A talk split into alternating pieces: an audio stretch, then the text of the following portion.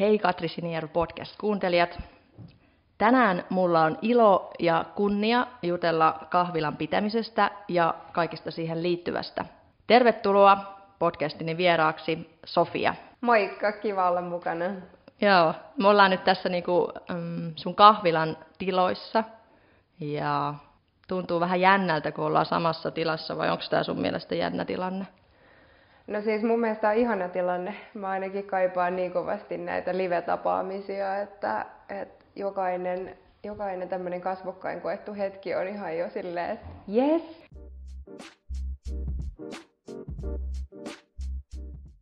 Hei Vappu on sinulla ollut merkillinen aika tänä vuonna.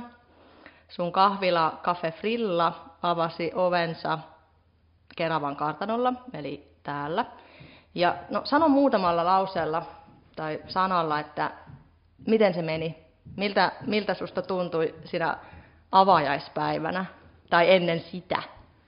No meillä oli siinä edeltävällä viikolla hyvin jännittävät hetket, koska meidän vitriini hajosi. Oho. Ja joo, se oli, se oli vähän semmoinen, ei ehkä olisi sitä kaivannut just siihen ennen avajaisia. Ja perjantaina, kun meillä oli lauantaina avajaiset, niin perjantaina äh, olin siis huutonetistä huutanut uutta vitriiniä ja huuto päättyi äh, 15 yli 7 ja sitten sen jälkeen ruvettiin vielä puuhaamaan kuljetusta. Ja ihan kiitokset tässäkin Resta Enterille. He toivat vappu aattona vitriinin tänne tuossa puoli kymmenen illalla ja me sitten ruvettiin siinä vaiheessa pesemään sitä ja laittamaan kaikkea. Piti siirtää tietenkin vanha vitriini ja kaikki tavarat uudelleen.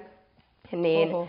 niin se meni aika myöhäiseksi se yö, että mä taisin päästä joskus kahden aikaan, kahden aikaan nukkumaan ja sitten seuraavana aamuna heräsin varmaan kuudelta, että aika vähillä unilla mentiin. Ja silloin oli just seuraavana päivänä oli siis avajaiset. Joo, kyllä. Miten se vitriini hajos? Äh, siinä siis jotkut joku kylmä aine ja joku anturi hajos. Ja mistään ei oikein siihen hätää löytynyt myös niin kuin sopuhintaan uutta, niin sitten päätin, että, että otetaan riski ja otetaan huutonetistä ja toivotaan, että tulee voittava huuto. Onneksi tuli. Ja vielä ihan hyvään hintaankin saatiin Metoksen laatulaite. Mutta joo, oli vähän silleen, että tosiaan kun menin nukkumaan, niin mietin, että, että tulikohan nyt kaikki tehtyä, koska siinä meni sitten tietysti se ilta ihan eri lailla kuin olin, olin ajatellut. Mutta ehdin, äh, ehdin sitten aamulla tekemään niin kuin kaiken pakollisen ja ehdin jopa 10 minuuttia ennen, kun me avattiin ovet tänne. Onneksi minulla oli ihana henkilökunta paikalla ja kaikki oli siis valmiina.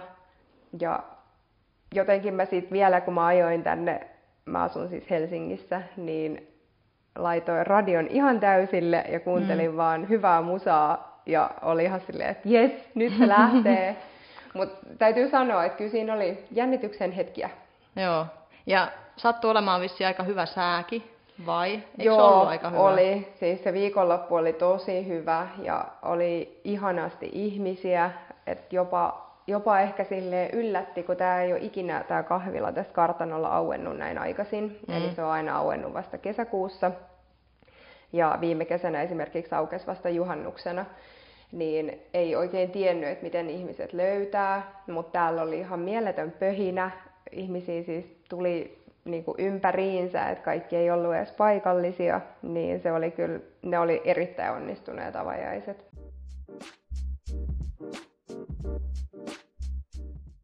Mulla on tässä alussa aina semmoinen osio alkukankeus pois, ja vaikka mä nyt haluaisin tietää lisää ehkä tuosta avaajaisesta, niin mennään siihen ensimmäisen osioon, ja sitten voit siitä avaajaisista ehkä jossain vaiheessa vielä puhua.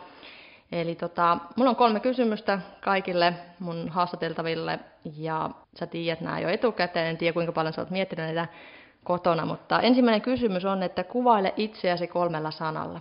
Millainen sä oot? No hyvin sinnikäs. Mä en helposti anna periksi ja yritän aina keksiä niin kuin jonkun keinon toteuttaa asiat.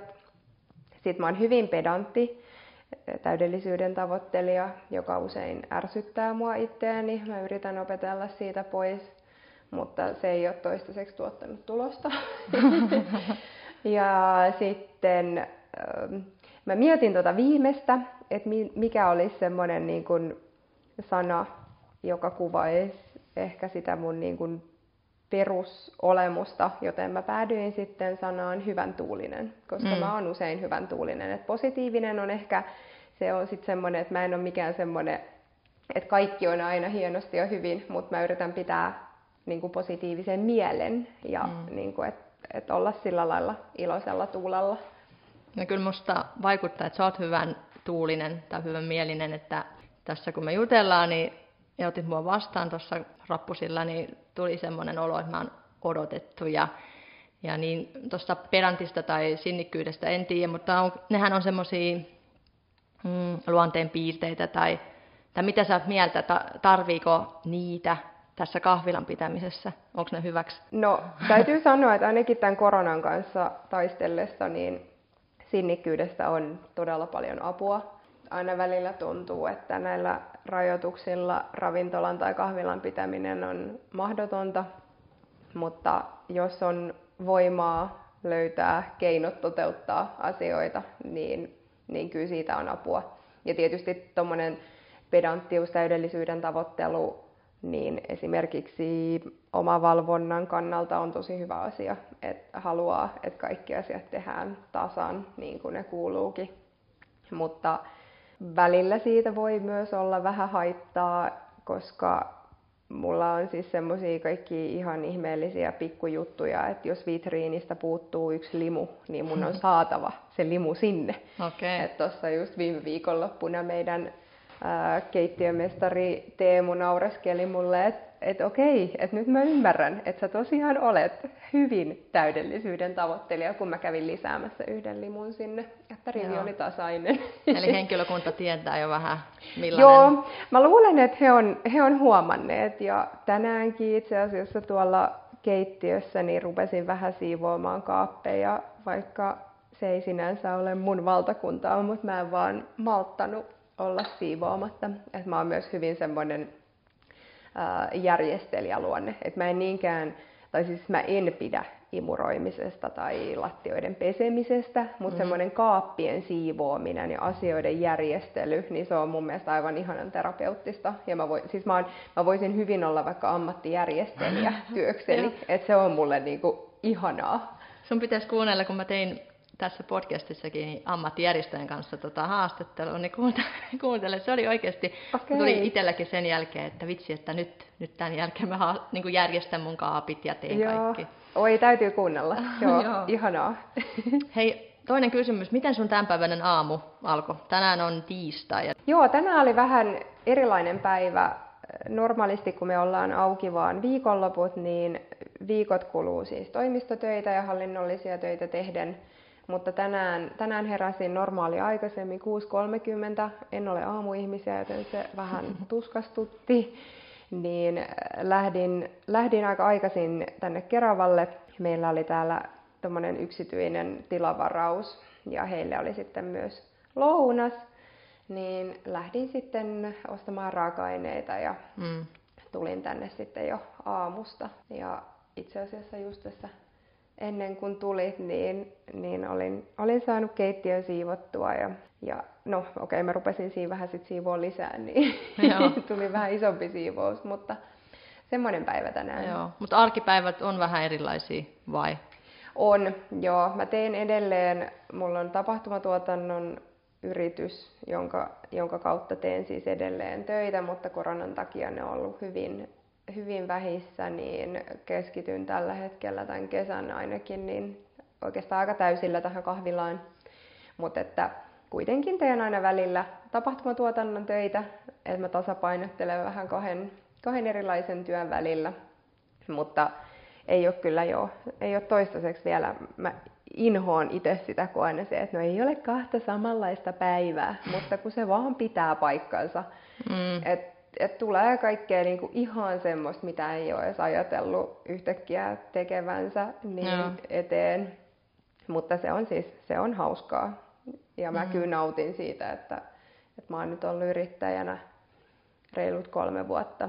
Niin kyllä, kyllä se jotenkin, että, että saa, saa olla omien aikataulujensa niin kuin herra ja, ja niin kun jokainen päivä on niin erilainen, niin kyllä se, se on jotenkin itselleen mielekästä. Kolmas kysymys tästä ensimmäisestä osuudesta, että mistä sä oot innostunut tällä hetkellä? Ää, no tällä hetkellä mä oon todella innostunut tulevasta kesästä. Mä oon ihan kesäihmisiä. Toivon, että pääsen taas mökille, kuten viime kesänä, ja toivon myös, että pääsisin johonkin ulkomaanmatkalle. Mm. Et mä itse tykkään tosi paljon matkustaa, niin se olisi, se olisi toiveena. Ja sitten, no nyt siis olen innostunut myös kaikesta kotimaisista, tai kotimaisista raaka-aineista. Mä mm. rakastan kaikkea kesäruokaa, uusia perunoita ja kalaa. Ja meidän vanhemmilla on mökillä semmoinen pieni kasvimaa, niin sieltä saa aina kaikki kesäkurpitsaa ja retiisejä, porkkanoita ja papuja ja kaikki ihan niin herkkuja. Niin niitä on kyllä niin kuin ihanan inspiroivaa kokkailua.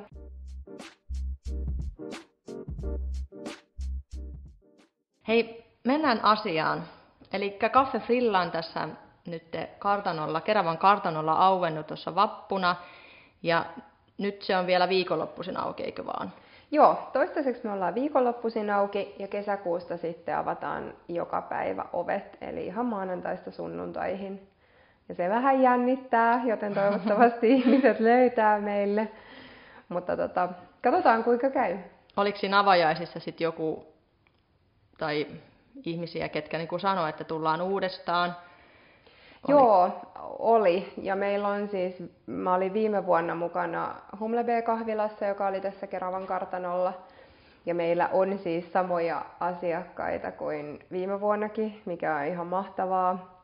Osa meidän tota, asiakkaista on siis jopa nimeltä tuttuja meidän e, Mialle, joka oli myös viime kesänä tässä mukana. Niin se on jotenkin aina ihanaa nähdä niitä tuttuja, tuttuja naamoja. Ja tämä on kyllä niin mieletön paikka, että en mä väitän, että melkein kaikki, jotka tänne tulee käymään, niin tulee uudestaan, mm. koska tuossa on just tässä tontilla toimiva Jalotus ry, kestävän elämän yhteisö, niin heillä on tässä kaikkea ihan mahtavaa toimintaa, kuten lampaita, löytyy kanoja, kukkoja, pupuja. Sitten on yhteisöviljelmää, jossa kaupunkilaiset pääsee, pääsee viljelemään. Ja sitten on, on fillariverstasta ja on pienyrittäjiä ja kaikkea. Täällä on paljon kurssitoimintaa ja muuta. Niin tämä on tosi eläväinen yhteisö. Ja sitten kun tämä on vähän semmoinen vähän semmoinen niin vihreä keidas keskellä kaupunkia, että täällä on aina vähän semmoinen kesäloma fiilis, vähän kuin tulisi mökille.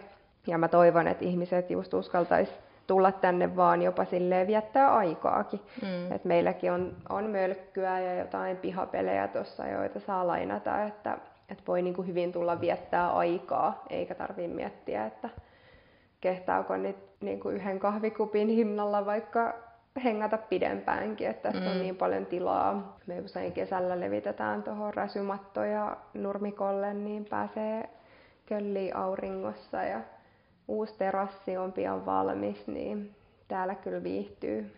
No jos asiakas tulee nyt päättää vaikka tämän haastattelun jälkeen, jälkeen että nyt mennään sinne Cafe Frillaan, niin mitä hän löytää täältä? Mitä on valikoimassa ja jos, jos avaa vaikka oven tai no, onko jo terassilla jotain nähtävää tai miten, miten sä niin kuvailisit? No mä itse tulin ensimmäistä kertaa tänne silloin, kun syreenit kukki ja tänne johtaa semmoinen hiekkatie, joka on syreenien reunustama. Ja se oli ihan mieletön, siis mulla tulee vieläkin kylmät väreet. Kun mä tulin ensimmäistä kertaa, se tuoksu oli niin huumaava. Ja sitten tien päästä näkyy kaunis vanha valkoinen kartano. Mm. Niin se oli jotenkin niin hieno, hieno juttu ja sitten tuntui, että yhtäkkiä linnut lenteli ja perhoset ihan samalla tavalla kuin jossain Disney-leffoissa. Ehkä hieman kuvittelin, mutta jotenkin se oli niinku tosi semmoinen äh, uniikki ja semmoinen tosi kaunis ympäristö. Mutta no, oma lempparini on lampaat. Ne näkyy, ne näkyy ehkä, vähän riippuu missä päin ne on, mutta ehkä näkyy siellä aitauksessa. Ja sitten sisään kun tulee, niin no tää on tämmöinen kaunis vanha, vanha rakennus, puulattiat ja löytyy vanhoja kakluuneja, vanhoja kalusteita, ihanat korkeat huoneet, tosi valoisa. ja jotenkin semmoinen kodikas mielestäni. Mm. Sitten meillä on tuossa tulossa ää, pieni puoti, mistä löytyy sitten kaikkea pientä kivaa. On muun muassa meidän, meillä on Holmen Coffeelta noi teet ja kahvit, niin löytyy teetä, voi viiä vaikka mökkituliaisiksi. Mm-hmm. Löytyy meidän hyvän tuoksuista käsidesiä No niin. ja kaikkea semmoista pientä. Ja sitten valikoiman puolesta vitriinistä löytyy mm, tosi paljon kaikkea erilaista suolasta ja makeeta. On niinku perinteisempää kahvilaherkkua ja sitten on vähän, vähän ehkä semmoista erilaisempaa. Et on on niinku täytettyjä croissantteja ja porkkanakakkua, joka on hyvin suosittua jo viime kesältä. Ja sitten löytyy kaikkea tuorepuuroa ja chiaa ja sitten on ihan perinteiset pullat ja munkit. Ja kesäkuusta alkaa arkisin lounas, keittolounas ja sitten meillä on suunnitteilla semmoinen viikonloppulista, josta sitten löytyy muutamia annoksia. Ja sitten toivottavasti myös päästään tekemään semmoisia vähän niin kuin pop-up-hengessä, että on jotain burgeriperjantaita ja pizzaperjantaita. Toivoisin, että saadaan tuossa ulkona tehdä oikein kunnon artesaanipizzaa aina silloin tällöin. No aika mahtavalta kuulostaa, aika iso valikoima kaikkea. Ja mi, kuka, kuka tätä, niin kuin, sä oot niin kuin se, joka koordinoi tätä, vai ootko sä myös keittiön puolella? Kuinka paljon sulla on henkilökuntaa tässä tai Cafe Frillassa? No meillä on tällä hetkellä, meitä on mun lisäkseni neljä ihmistä.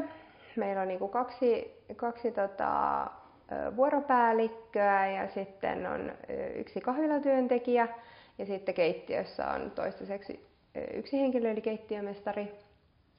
Ja katsotaan, varmaan ehkä tarvitaan vähän lisää henkilökuntaa vielä sitten tuossa kun avataan ja ollaan auki joka päivä. Mutta äh, joo, mä oon paljon silleen, tai vaikutan aika paljon kaikkeen. Mutta toi meidän keittiömestari Teemu on myös osallistunut tosi paljon tuohon menusuunnitteluun ja melkeinpä tässä, no itse asiassa varmaan joka päivä ollaan palloteltu ideoita. Mm-hmm. Et, et tässä on niinku haasteena on se, että et täällä on todella pieni keittiö ja tosi pienet kylmätilat. Eli vaikka mm-hmm. me haluttaisiin tehdä ihan niinku tosi paljon kaikkea, niin se Joo. ei vaan ole siis resurssien puolesta mahdollista. Ja kun ei ole niin kun, se keittiö vaikuttaa siis myös siihen, että kun on esimerkiksi pieni tiskipiste, niin ei pysty olemaan hirveän monta annosta. Et se on niinku semmoinen, minkä kanssa mä itse kipuilen, kun asiakkaat toivoo, että hei, voisiko teillä olla tätä ja tätä, niin tosi mielellään tekis, mutta kun se ei ole sit vaan niinku mahdollista. Et nyt me yritetään, me ollaan tässä toukokuussa kokeiltu vähän erilaisia annoksia ja erilaisia ruokia ja tarjottavia, että me yritetään sieltä haarukoida niitä, että mitkä on suosituimpia. Ja kyllä sieltä nyt jo niin tietyt tuotteet on, on noussut, mutta että just toi ruokapuoli on ehkä se, mitä varmaan tullaan vaihtelemaan sen takia, että sit saadaan niin enemmän laajempaa valikoimaa, että et kaikki, kaikki pääsee jotain omia suosikkeja jossain vaiheessa kesää maistelemaan. Joo, no onko se lounas sitten, oliko se niinku arkisin ja mikä kellon aika suurin piirtein? Joo, se on arkisin. Äh, vielä on nyt pikkasen haarukoidaan noita aukioloaikoja, mutta todennäköisesti tulee olemaan 11.3. Joo, ja kahvila auki muuten No varmaan suunnilleen, me ollaan nyt oltu 11 neljään, että ainakin se aika, mutta mä ajattelin, että mä vähän, vähän vielä tässä laskeskelen ja katson, että mikä olisi, mikä olisi sitten se kesäkuun. Että ehkä viikonloppuisin voisi olla vähän pidempään, tai ainakin mm. perjantai lauantai. Että mulla on, on suunnitelmissa hakea tähän anniskeluoikeudet, niin sit voisi vähän istua Joo. iltaakin, että jos haluaa jotain semmoista vähän afterwork-henkeä tai muuta, niin ehkä siihen viikonloppu pikkasen pidemmät aukioloajat. Mm. Mutta en tiedä, kun ei ole, tämä ei ole koskaan ollut, siis kun mä oon ollut tässä mukana, niin ei ole ollut auki joka päivä. Niin just niin. se, että miten se alkuviikko vetää, kun me ollaan kuitenkin pikkusen syrjässä tuosta Keravan keskustasta, että miten niin kuin ihmiset löytää tänne esimerkiksi just lounaalle, niin mm. täytyy varmaan vähän kokeilla ja katsoa. Että onneksi tässä on mahis suuntaan ja toiseen venkslata, mutta lähtökohta olisi se, että asiakkaat tietäisi milloin tämä on auki. Että ei olisi sitä, että me tultiin turhaan. Joo. Lounas on se, mihin te niin panostatte sitten arkisin vai?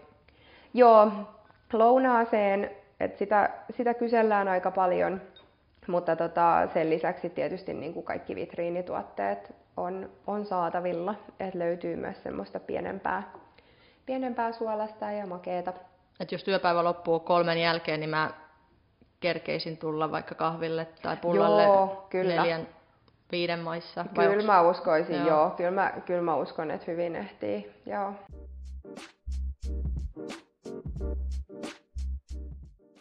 Unelmoitko sä jo pienenä lapsena, että sinusta tulisi joskus kahvila-yrittäjä tämmöisessä kartanossa? No en oikeastaan. Mun isä on yrittäjä ja yrittäjyys itsessään on aina ollut mulle niinku semmoinen, että et en mä oikeastaan kauheasti miettinyt sitä. Et mä oon niinku tiennyt, että varmasti jossain vaiheessa musta tulee yrittäjä. Mutta oikeastaan kahvilan pitämiseen mä sain kipinän ollessani töissä Haukilahessa Espoossa Cafe Melsteenissä.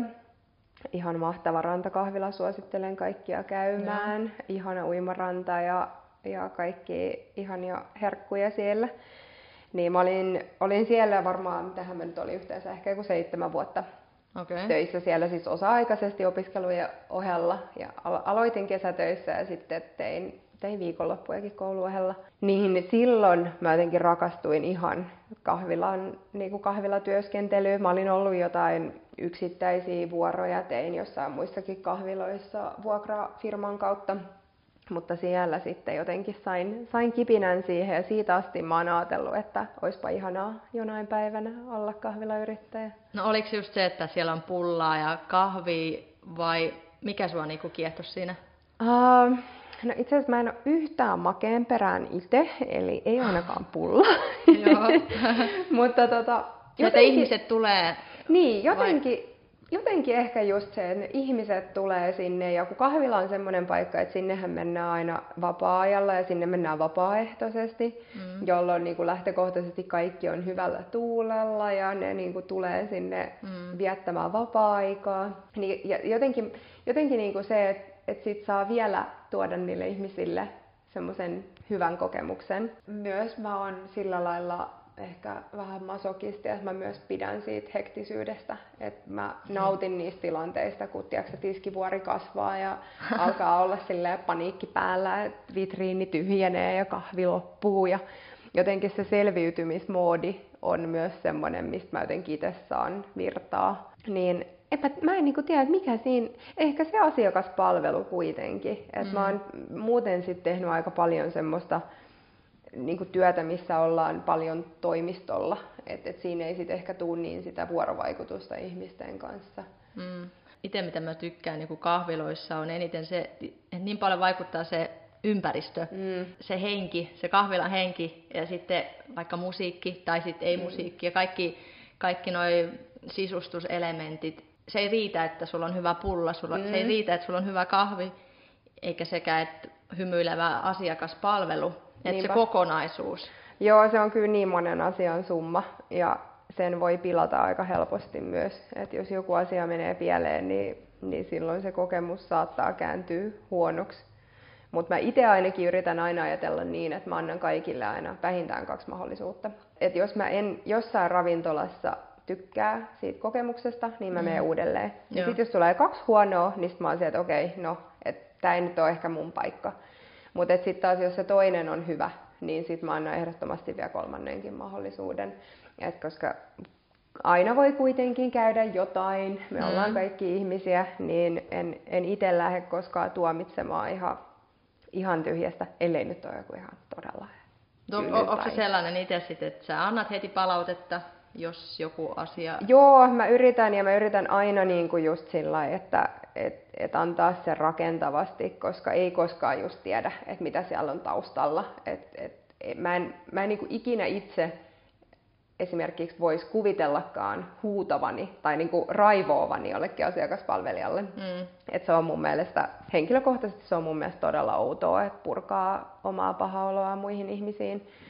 Mutta ja mä myös pyrin siis antamaan äh, positiivista palautetta, koska sitähän Suomessa ei kauhean moni anna. Että totta mm. kai se on merkki siitä, jos sä tuut uudelleen tai, mm. tai seuraat somessa tai näin, että sä tykkäät. Mutta aika harva kuitenkaan antaa sitä palautetta. varsinkaan siis kirjallisena, mikä on mm-hmm. niin kuin monelle pienelle yritykselle tosi kullanarvoinen. Että et joku käy kirjoittaa Facebookiin tai Googleen, että hei, että mahtava paikka, että suosittelen. Niin niistä tulee ainakin itselleen tosi hyvä mieli ja siksi mä yritän itse muualla käydessäni niin muistaa sen, että, että tuo. Ja jos on joku ihan pienikin juttu, että hei, että teillä oli vaikka ihanaa makuvettä. Siis mm. joku tämmöinen ihan tosi mm. pieni juttu, niin se saattaa olla kuitenkin sitten taas sille paikalle tosi merkitsevä asia. Mä tykkään kirjoittaa itse just niihin vieraskirjoihin. Joo. Että onko teillä semmoista, että... No meillä ei vielä ole, mutta nyt kun sanoit, niin se on ollut suunnitteilla. Täytyy muistaa. Joo, ja se voi olla oikeasti nytkin me ollaan jo tässä muutaman viikonlopun aikana, kun ollaan oltu auki, niin me ollaan saatu muutama oikeasti aivan ihana palaute. Mm. Ja mä uskon, että ne ihmiset ei ehkä myöskään tiedä, kuinka merkittäviä ne on ollut. Ne on ehkä osunut semmoiseen, että on saattanut olla joku huonompi palaute siinä alla, Joo. ja sitten tulee hyvä. Niin siis voi että, niistä oikeasti tulee niin iloiseksi. Mm. Et kyllä niin kuin ihmisten pitäisi olla rohkeampia antaa mm, palautetta. Että et se ei riitä, että ne kavereiden kesken siinä juttelee, vaan se, että sä oikeasti mene sanomaan sinne niin. tiskin taakse tai sinne Niinpä. kahvilatyöntekijälle, et se ei, ole, ei, sen ei tarvi olla iso juttu. Ei, ei. ja muutenkin just ehkä semmoinen, että et jos on joku toive, että sen ei tarvi olla niinku välttämättä hyvää eikä huonoa. Et se voi olla joku semmoinen, että hei, että ootteko miettinyt, että tähän piirakkaan sopisi vaikka sivusalaatti. Et ihan voi myös semmoisia niinku ehdotuksia. Mm, et mm. niitä, että mä yritän aina sanoa asiakkaillekin täällä meillä, että et saa toivoa ja saa antaa palautetta. Ja totta kai otetaan tosi mielellämme palautetta vastaan. Mutta just mielellään semmoista, missä on niinku jotain myös siis konkreettista. Mm. Että et, et ihan vaan semmoinen, että no mä en tykännyt tästä, niin se ei, se ei sillä lailla vie eteenpäin, koska me ei tiedetä, että onko se niinku, oliko se liian suolasta, oliko se liian kallis, niinku, että mikä siinä on vikana. Mm. Niin silleen just se, että se olisi no, rakentavaa kritiikkiä, se on aina tervetullut. Sä kerroit siitä, että sä olit viime vuonna myös tässä kahvilajutussa niin kuin mukana. Mistä sä sait niin kuin, mm, rohkeutta tai inspiraatiota, että lähdet myös tänä vuonna mukaan ihan omalla nimellä tai toisella kahvilan nimellä? No mulla siis viime vuonna, kun mä päädyin tähän mukaan vähän sattuman kautta, ihana ystäväni Laura oli lähtenyt tähän perustamaan tätä kahvilaa ja kokosi mahtavan joukon ihmisiä niin hän kysyi alun alkaen, että tuuks mä tekemään tähän tapahtumia, koska tosiaan tausta mm. on tapahtumatuotannossa. Ja jotenkin siinä sitten yhtäkkiä mä olin niin syvällä koko kahvilan perustamisessa, että todettiin, että, että ei eriytetä tapahtumia, vaan että tehdään sitten tehdään niin kuin kaikki, kaikki sitä itse niin kuin kahvilayrittämistä. Ja silloin jo mä niin kuin mietin, että, että tästä olisi ihanaa saada niin kuin jatkumoa, että olisi ihanaa tehdä tätä enemmänkin kuin yksi kesä, koska tämmöisenkin kahvilan perustaminen voi ehkä jollekin vaikuttaa siltä, että no eihän tässä mitään, että kaikki mm. on valmiina ja rupeatte vaan myymään kahvia. Mutta siis ne kaikki sadat ja sadat ja sadat työtunnit, mitä tähän uppos, niin jotenkin musta tuntuu, että, että mä haluan, että se työ on kohti myös sitä seuraavaa vuotta. Mm. Ja äh, sitten no viime kesän jälkeen sitten sovittiin, että, että mä jatkan omalla yritykselläni ja just, että brändi vaihtuu, että kun meillä oli viime kesänä oli kokonaan vegaaninen ja gluteeniton, niin ettei tule mm. sitten epäselvyyksiä siitä, ettei asiakkaat ajattele, että, että kaikki on edelleen, no varsinkin vegaanista, niin vaihoin sitten brändiä. Mutta kyllä se jotenkin täytyy myöntää, että oli tuossa semmoisia hetkiä, että harkitsin, koska korona vaan jatkuu ja jatkuu, niin mm. siinä tilanteessa ei ole hirveän helppoa just olla tällä alalla, eikä myöskään tapahtuma-alalla. Mulla on hyvä kombo. Naureskelin, että seuraavaksi pitää ostaa joku matkailuyritys. Joo. Mutta tota, kyllä jotenkin tämä on niin ihana paikka, että kyllä mä halusin yrittää. Ja sitten kun se on vähän semmoinen juttu, että, että tämmöinenkin vie aikaa, että sä et oikein vuodessa saa sitä jalansijaa ja sitä kehitystyötä tehtyä. Että et kyllä se melkein niin kuin vaatii sen pari-kolme vuotta, että oikeasti tietää, että miten se bisnes lähtee kannattamaan. Koska tietysti yritystoimintaahan tämä on. Mm. Että et kyllä tästä täytyy, täytyy jotain itsellekin jäädä. Toistaiseksi ei ole jäänyt, mutta...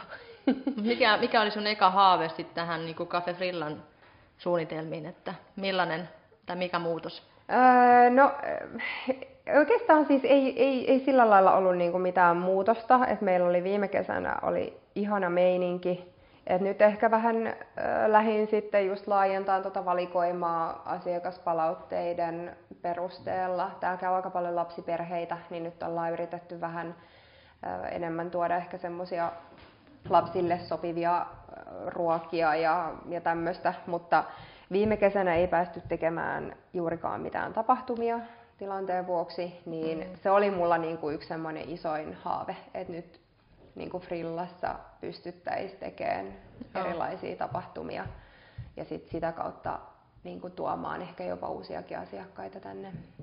No toivottavasti. Niin, no niinpä. Hirveästi olisi kaikenlaisia tapahtumaideoita. Onko, niin, onko jotain alustavia puheita jo ollut jonkun kanssa? Tai? Ää, no joo, mulla on aika paljon kontakteja suuntaan jos toiseen, niin sanotaan niin, että jos tässä nyt rajoitukset poistuu, niin aika nopeasti kyllä saa sitten kasaan kaikenlaista. että on ollut jo puhetta, että saataisiin tuohon vähän stand-upia ja musiikkia, mm. ehkä no niin. ulkoilmaleffoja, kirppis on suunnitteilla tai kesämyyjäiset. Ja, ja no nyt tällä hetkellä etsin juuri äh, ponia, joka pääsisi tänne näin oh. ilahduttamaan lapsia. Ja, no niin, ja näin. Aika kyllä, hienoja. kyllä kaikkea on suunnitteilla. Ihanalta kuulostaa. No toivottavasti onnistuu.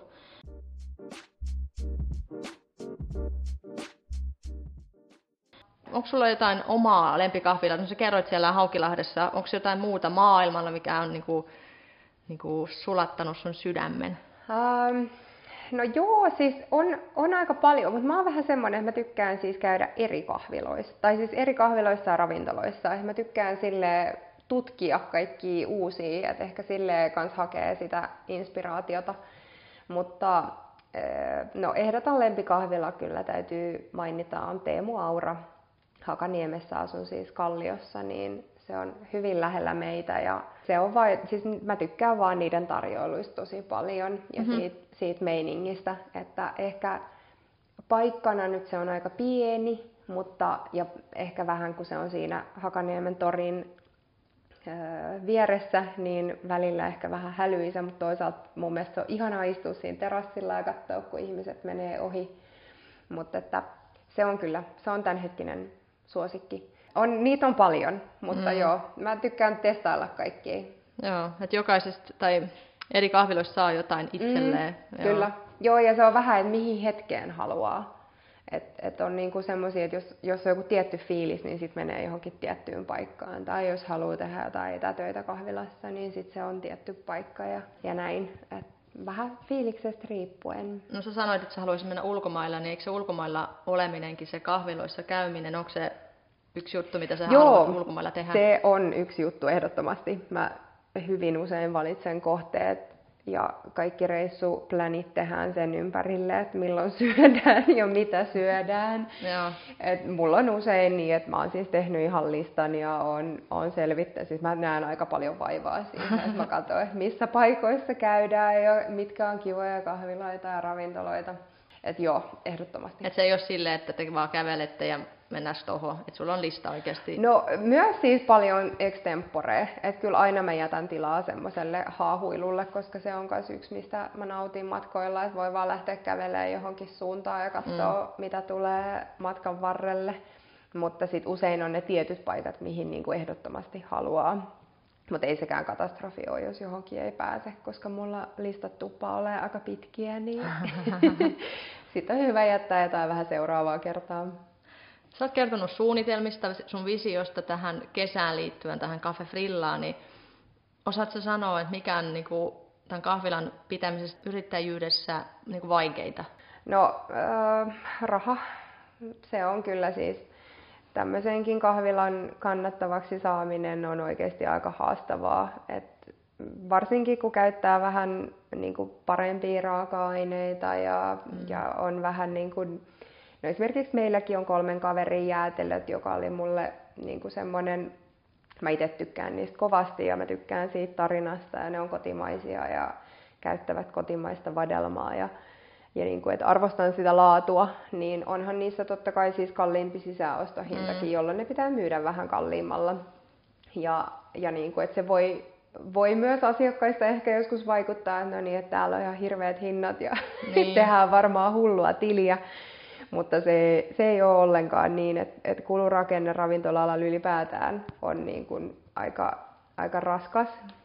Et on on niin kuin sunnuntai-palkat, tuplapalkat ja on, on raaka-ainekulut, henkilöstökulut ylipäätään ja vuokrat ja, ja sitten on se kaikki oheisjuttu, niin kyllä se, se aiheuttaa niin kuin ehkä eniten, eniten päänvaivaa. Ja siis sattuu, että viikonloppuna sataa ja käykin vaikka tiedätkö, yksi neljäsosa asiakkaista, mitä normaalisti, niin kyllä se, se näkyy heti kassassa. Et kyllä, kyllä se niinku just se talouden, talouden hallinta on haastavaa. Sitten tietysti tälle yksin yrittäjänä niin on, on aika vaara siinä, että tekee liikaa töitä. Et, et jotenkin kun se työ on myös niin kivaa, niin sit sitä helposti vaan jotenkin uppoutuu siihen. Ja sitten kun on vähän koko ajan töissä, ei oikein pääse ehkä sille latautumaan ja lepäämään, niin se on kyllä, ja varsinkin tämmöiselle eh, suorittaja-ihmiselle, kuten itse olen, niin aina välillä täytyy vähän miettiä, että no niin, ei burnouttia, koska sitten ei ole ketään, joka sitä yritystä pyörittää. Mm, no kuinka tarkasti sä sun mielestä katot sitä, että sä oikeasti nukut kunnolla, lepäät kunnolla, sulla on että sä et koko ajan ole siellä sähköpostissa tai puhelimessa. Että se on, no, sähän oot se oma kyllä, itsesi pomo. Kyllä, joo. Mä oon ottanut vähän sen linjan, että et, et mun on välillä pakko ottaa niitä hetkiä, että mä en ole tavoitettavissa. Mä en ole niitä yrittäjiä, jotka on silleen, että no mä vastaan ihan tiedätkö, kellon ympäri puhelimeen. Mm. Mun mielestä ihmisten ei tarvitse tehdä sitä. Ne, jotka haluaa, saa, mutta et mä en itse ole semmoinen et, et pakko on välillä oikeasti ottaa se aika. Ja nyt kun mä oon ollut viikonloput täällä, siinä mä teen viikot kaikkea tätä hallinnollista työtä, jota on yllättävän paljon, niin kyllä tässä on menty nyt aika lailla ilman vapaa-päiviä. Et mä pidin, viime lauantaina oli ensimmäistä kertaa avajaisten jälkeen niin kuin viikonlopun, tai niin kuin yhden viikonloppupäivän vapaalla. Ja sitten no avajaisten jälkeen pidin maanantain ja silloin mä oikeastaan nukuin koko päivän, kun vähän väsytti. Mulla on se hyvä, että, että jotenkin mä pystyn aika hyvin siis käsittelemään stressiä ja painetta, että mä pystyn nukkumaan esimerkiksi edelleen tai niin kuin kiireessäkin hyvin, että mä saan sen niin kuin hyvät yöunet, mm. että se helpottaa kyllä, mutta joo, olisi siinä olisi siinä varmasti petrattavaa. Että kyllä se on vähän semmoista, että 247 meininkiä.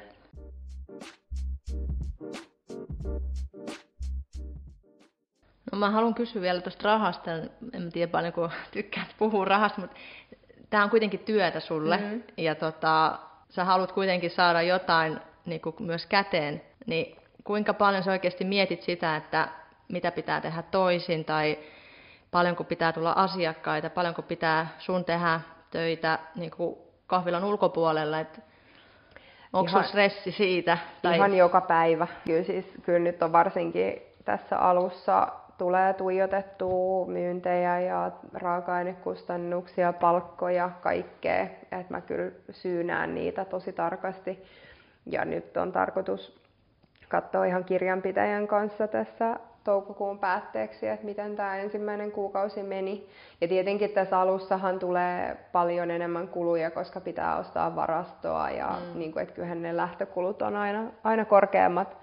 Mutta joo, kyllä, kyllä niin kuin sitä, sitä seurataan ja on ollut kiva, että Teemu kans on niin kuin miettii sitä, että mikä myy, että mitä me voidaan muuttaa tuotteissa. Että jos joku tuote ei myy, otetaan se pois, korvataan jollain toisella ja katsotaan, että mihin se menee. Et, et se on semmoista jatkuvaa, jatkuvaa kehitystyötä. Ja tietysti täällä pyritään, kun ollaan tämmöisessä kestävän elämän yhteisössä, niin minimoimaan hävikkiä koska sehän siis nostaa myös mm. kustannuksia tosi paljon. että jos kaikkea koko ajan jää, niin se on ihan hukkaa heitettyä rahaa. Ja me pyritään siis just myymään Rescuessa kaikki, no niin, mitä jää. kysyä sitä, joo. Että joo. on hyvä keino. Se on hyvä, joo. Rescuen kautta myydään ja sitten me, jos ei mene, niin, niin sitten tässä on, kun on tätä jalotusyhteisöä, niin sitten he, heidän kautta sitten saadaan mm. niitä eteenpäin. Ja, ja meillä on myös mahtavaa se, että biojätettä kerätään kanoille. Vaikka no, se onkin siis jätettä, niin sekin menee tietyllä tapaa hyötykäyttöön. Et, et kyllä niin kuin kaikin tavoin yrittää miettiä, että mistä ne eurot voi säästää.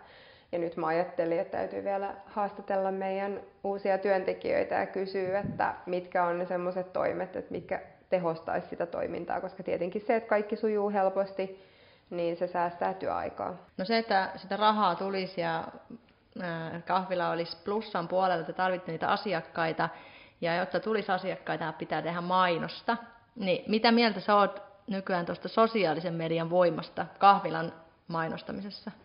No, sosiaalinen media on niinku semmoinen, että se on ihana ja kiva, mutta samaan aikaan se on välillä ihan vah. Teetkö sä sitä itse kanssa nyt sitten? No teen, joo teen, mutta nyt, nyt on sanonut just näille meidän työntekijöille, että, että mielellään saa postata ja viime viikonloppuna annoin just Instagramin tunnukset heille ja heti lähti tulemaan, niin heti rupesivat tekemään storeja ja mä olin silleen, mikä helpotus. No niin. Et heti Delegoi. yksi asia, joo, siis se delegointi pitäisi aina muistaa, mutta sitten kun on vähän semmoinen, että haluaisi vähän olla kaikesta jotenkin itse niin kuin vastuussa. Mutta joo, siis on somella iso merkitys. Ja kun se ei ole enää nykypäivänä sitä, että sä vaan postaat sinne jotain, vaan sen mm. pitäisi olla aika lailla jotenkin merkityksellistä ja laadukasta. Et mulla nyt ehkä itselläni on se etu, että, että on, on niin kuin silleen visuaalista silmää ja mä oon medianomikoulutukselta, niin voin ottaa siis itse kuvia ja mm. näin, että se ei ole sillä lailla vierasta ja tykkään kirjoittaa. Mutta sitten kun se pitää tehdä kaiken sen mun ohella, sehän siinä on. Ja sitten on vähän semmoinen fiilis, että et ehkä niinku just Instagramin käyttö on jotenkin tosi nopeeta ja semmoista eh, intuitiivista ja äkkiä ottaa jostain jonkun storin ja näin, mutta sitten pitää muistaa, että niin, sitten on vielä se Facebook. Sitten taas toisaalta niin mä luulen, että meidänkin asiakkaista jopa ehkä enemmän ihmiset käyttää Facebookia. Ja nyt se on jäänyt mulla ehkä vähän vähemmälle, että pitäisi oikeasti vaistua yksi päivä ja tehdä jo valmiiksi vähän postauksia ja muistaa päivittää sinnekin. Ja sitten mä niinku, joskus Facebookissa on tullut niinku eteen, että jotkut Eli et ketkä ei ole siellä Facebookissa, ne ei kuitenkaan, ne, ne, ei, ne ei tavoita sitä. Mm. Että just niin kuin vaikka vanhemmat ihmiset, tai ei kaikki nuoretkaan ole Niinpä. Niin kuin somessa, somessa niin kuin mukana. Mainostatteko vaikka paikallisessa lehdessä tai jossain, en mä tiedä, jotenkin Joo, jotain, no jotain sissimarkkinointia pitäisi keksiä. Ja no ehkä voisi kokeilla jotain ihan perinteisiä julisteitakin, niitä ei vaikea nykyään enää saa laittaa mihinkään. Mm. Mutta äh, tarkoitus on, on olla yhteydessä tuonne Keski-Uusimaahan, että et jos sinne saisi vähän vaikka ihan juttua, niin se varmasti tavoittaisi sitten taas eri ihmisiä. Ja no toi on ollut hyvä, mä oon laittanut keravalaiset tiedottaa Facebook-ryhmään, niin mä luulen, että sieltä on myös tullut semmoisia, jotka ei ehkä muuten olisi meitä löytänyt. Mm. Mutta kyllähän se puskaradio, kyllä se tämmöisessä paikassa melkein, melkein on se paras. Ja sitten kun niitä on niitä kanavia, kun on Googlea ja on Facebookia ja on Instagramia ja on nettisivuja ja kaikkea, niin se kaiken sen hallinnointi, niin se olisi oikeasti ihan koko päivä työ. Ja jostain sekin aika täytyy yrittää aina vaan irrottaa. Ja kyllähän se on just, että jos joku tänne tulee, mm. hän tykästyy, hän kertoo toiselle mm. ja se mm. toinen kertoo kolmannelle ja kohti tietää moni muukin siitä. Niin, et, niin. Et Joo, sekin. mä toivon vielä, että, että sanon ääneen tässä toiveen Keravan kaupungille, että saataisiin tuot keskustasta asti niin kuin kyltitys tänne, koska tämä on mm. kuitenkin, kun tämä on ihan tämmöinen virkistyskohde, tämä avoinna ympäri vuorokauden, siis tämä alue, täällä mm. on tosi paljon nähtävää ja tehtävää muutakin kuin siis tämä kahvila, niin se olisi kiva, että, että se reitti olisi merkitty, koska Joo. tämä on kuitenkin pikkusen sivussa niin Joo, se, se vois, kyllä hyvä. Niin, että se voisi tuoda niin kuin sekin jo ihmisiä. Juna-asemalta vaikka. Niin, kuin, niin kyllä. Eihän, ei ole pitkä matka, reilu kilsa varmaan. Ei, joo, siis tuosta kävelee joku mitä 15 minuuttia mm. menee. Mäkin aina välillä tuun junalla, niin ei ole ollenkaan paha nakki.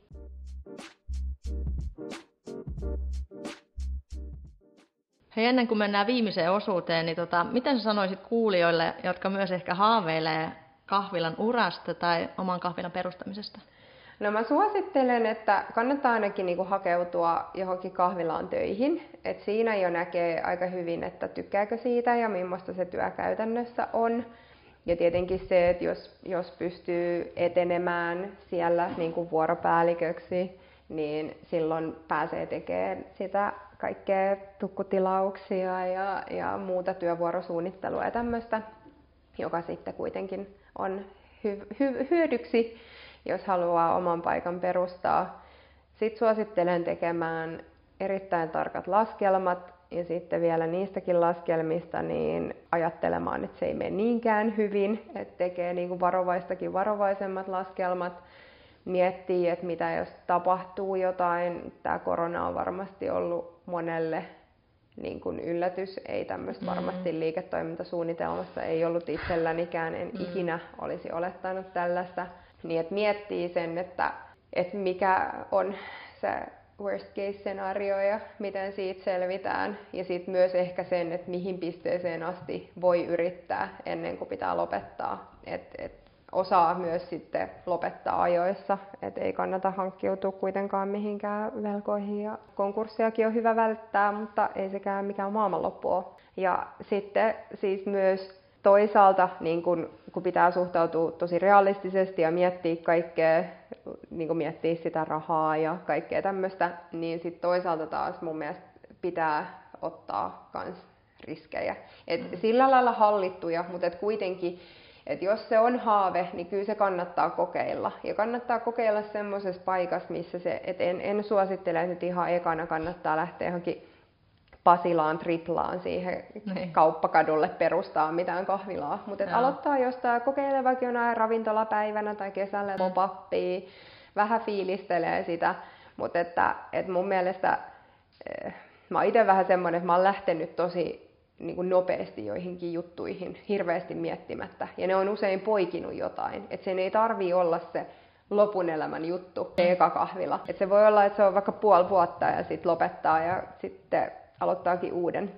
Mutta lähtee rohkeasti myös kokeilemaan, koska hulluja ideoita on hyvä, hyvä toteuttaa. Niinpä, ja varmaan sekin auttaa, että, että olisi se oma juttu, siis mm. siis oma, oma visio, ja just Kyllä. luottaa siihen, niin kuin, että tää, niin kuin, tällä mennään. Kyllä. Et, et ei ole vaan, niin kuin, no pitää olla vähän oman näköinen se Joo, pitää olla oman näköinen ja siis sen kyllä sanon, että kannattaa siis luottaa siihen omaan. Et varmasti jokainen, joka rupeaa perustamaan kahvilaa tai ravintolaa, niin kuulee todella paljon sitä, että no ei, hei, älä nyt tota tee, ei kun sun kannattaa tehdä näin ja mm. miksi et sä tekis noin niin ne, ne kannattaa, niin kuin kannattaa totta kai kuunnella ja miettiä, mutta sitten jos ne ei resonoi itselleen, niin unohtaa ne. Koska sen voin kyllä sanoa, että ihmiset, jotka ei ole ikinä pyörittänyt kahvilaa, ne tietää ihan yllättävän paljon kahvilan pyörittämisestä. et, et sillä just, että miettii, että just keskittyy siihen omaan juttuun, menee sitä kohden ja just se, että aloittaa et mä oon niinku itse yrittänyt nyt tässä koko ajan kaiken kanssa, että better done than perfect. Parempi, että sä vaan teet, et, eikä se, että se on täydellinen, koska aina voi kehittää, aina mm. voi koittaa. Että aina voi niinku lähteä jostain ja parantaa. Niinpä. Ja jokainen aamu on uusi alku. Mm, et... Niinpä, on on, joo. Ja siis mun mielestä myös sekin, että et ei ole niinku koskaan liian vanha kokeilee jotain. Et, et aina kannattaa, että jos oikeasti eläkepäivilläkin haaveilee kahvilan perustamisesta, niin nyt vaan kahvilaa pystyy. Ja tämä varmaan, niinku, eihän, se voi, eihän sen tarvi olla kahvila. Ei, ihan, ei, ihan niin. siis, jos sä haluat perustaa jonkun, mä en tiedä, niin. jonkun muun putiikin Niinpä. tai jonkun muun jutun, mikä kiehtoo sua, mm. haluat tehdä vaikka jotain luontoretkiä, mm, niin kyllä. et vaan niin lähdet kokeilemaan ja niin. laita paperilla muutaman rivin ideoita. Ja... Niinpä. Ja sekin aina auttaa, että jos löytää samanhenkisiä ihmisiä ympärille. Et liian moni ehkä tekee yksin kaikkea. Et se, mäkin on vähän semmoinen, että mä tu, niin kuin saan aika paljon itsekseni aikaiseksi ja tykkään silleen tehdä itse, mutta sitten taas tietyissä asioissa niin on ihanaa, että on joku ihminen, joka hoitaa jotain osioa. Et esimerkiksi mä en ikinä pärjäisi ilman mun kirjanpitäjää. Et, et on niin kuin hyvä, että on niitä ihmisiä, jotka on sit siinä mukana ja löytää ne semmoiset luottohenkilöt, joilta voi sitten pyytää vaikka jo ihan semmoista, että hei, että mulla on nyt tämmöinen idea, että voidaanko vähän miettiä yhdessä.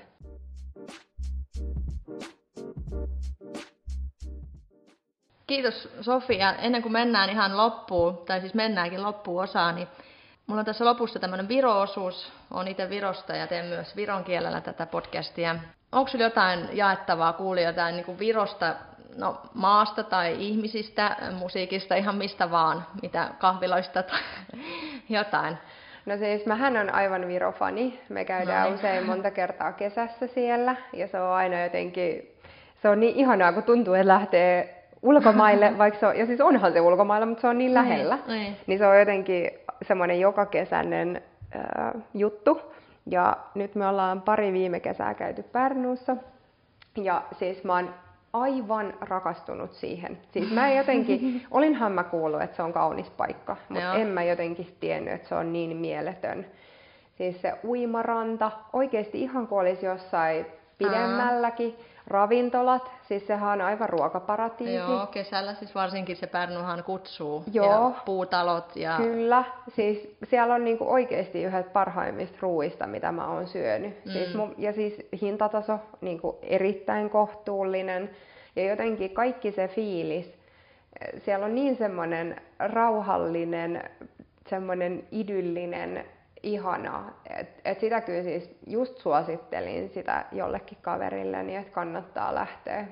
Et ei pelkästään se Tallinna. Ei se pelkästään Tallinna, mm. ei. Ja Tallinnassakin niin eh, suosittelen just lähteä vähän, vähän niin kuin kauemmas. Et mekin löydettiin sieltä Telliskiven alueelta, nyt en muista sen pienen pizzerian nimeä, mutta semmoinen ihan pieni, ehkä joku 15 asiakaspaikkaa, jossa ne paistaa tiedätkö, kunnon kiviuunista pizzaa. ja sitä, tiedä. Joo. joo. sitä paistetaan siis niin kauan, kun sitä riittää. Ja Oi, no senkin oli jostain tiedätkö, selvittänyt oikein, mistä nyt on.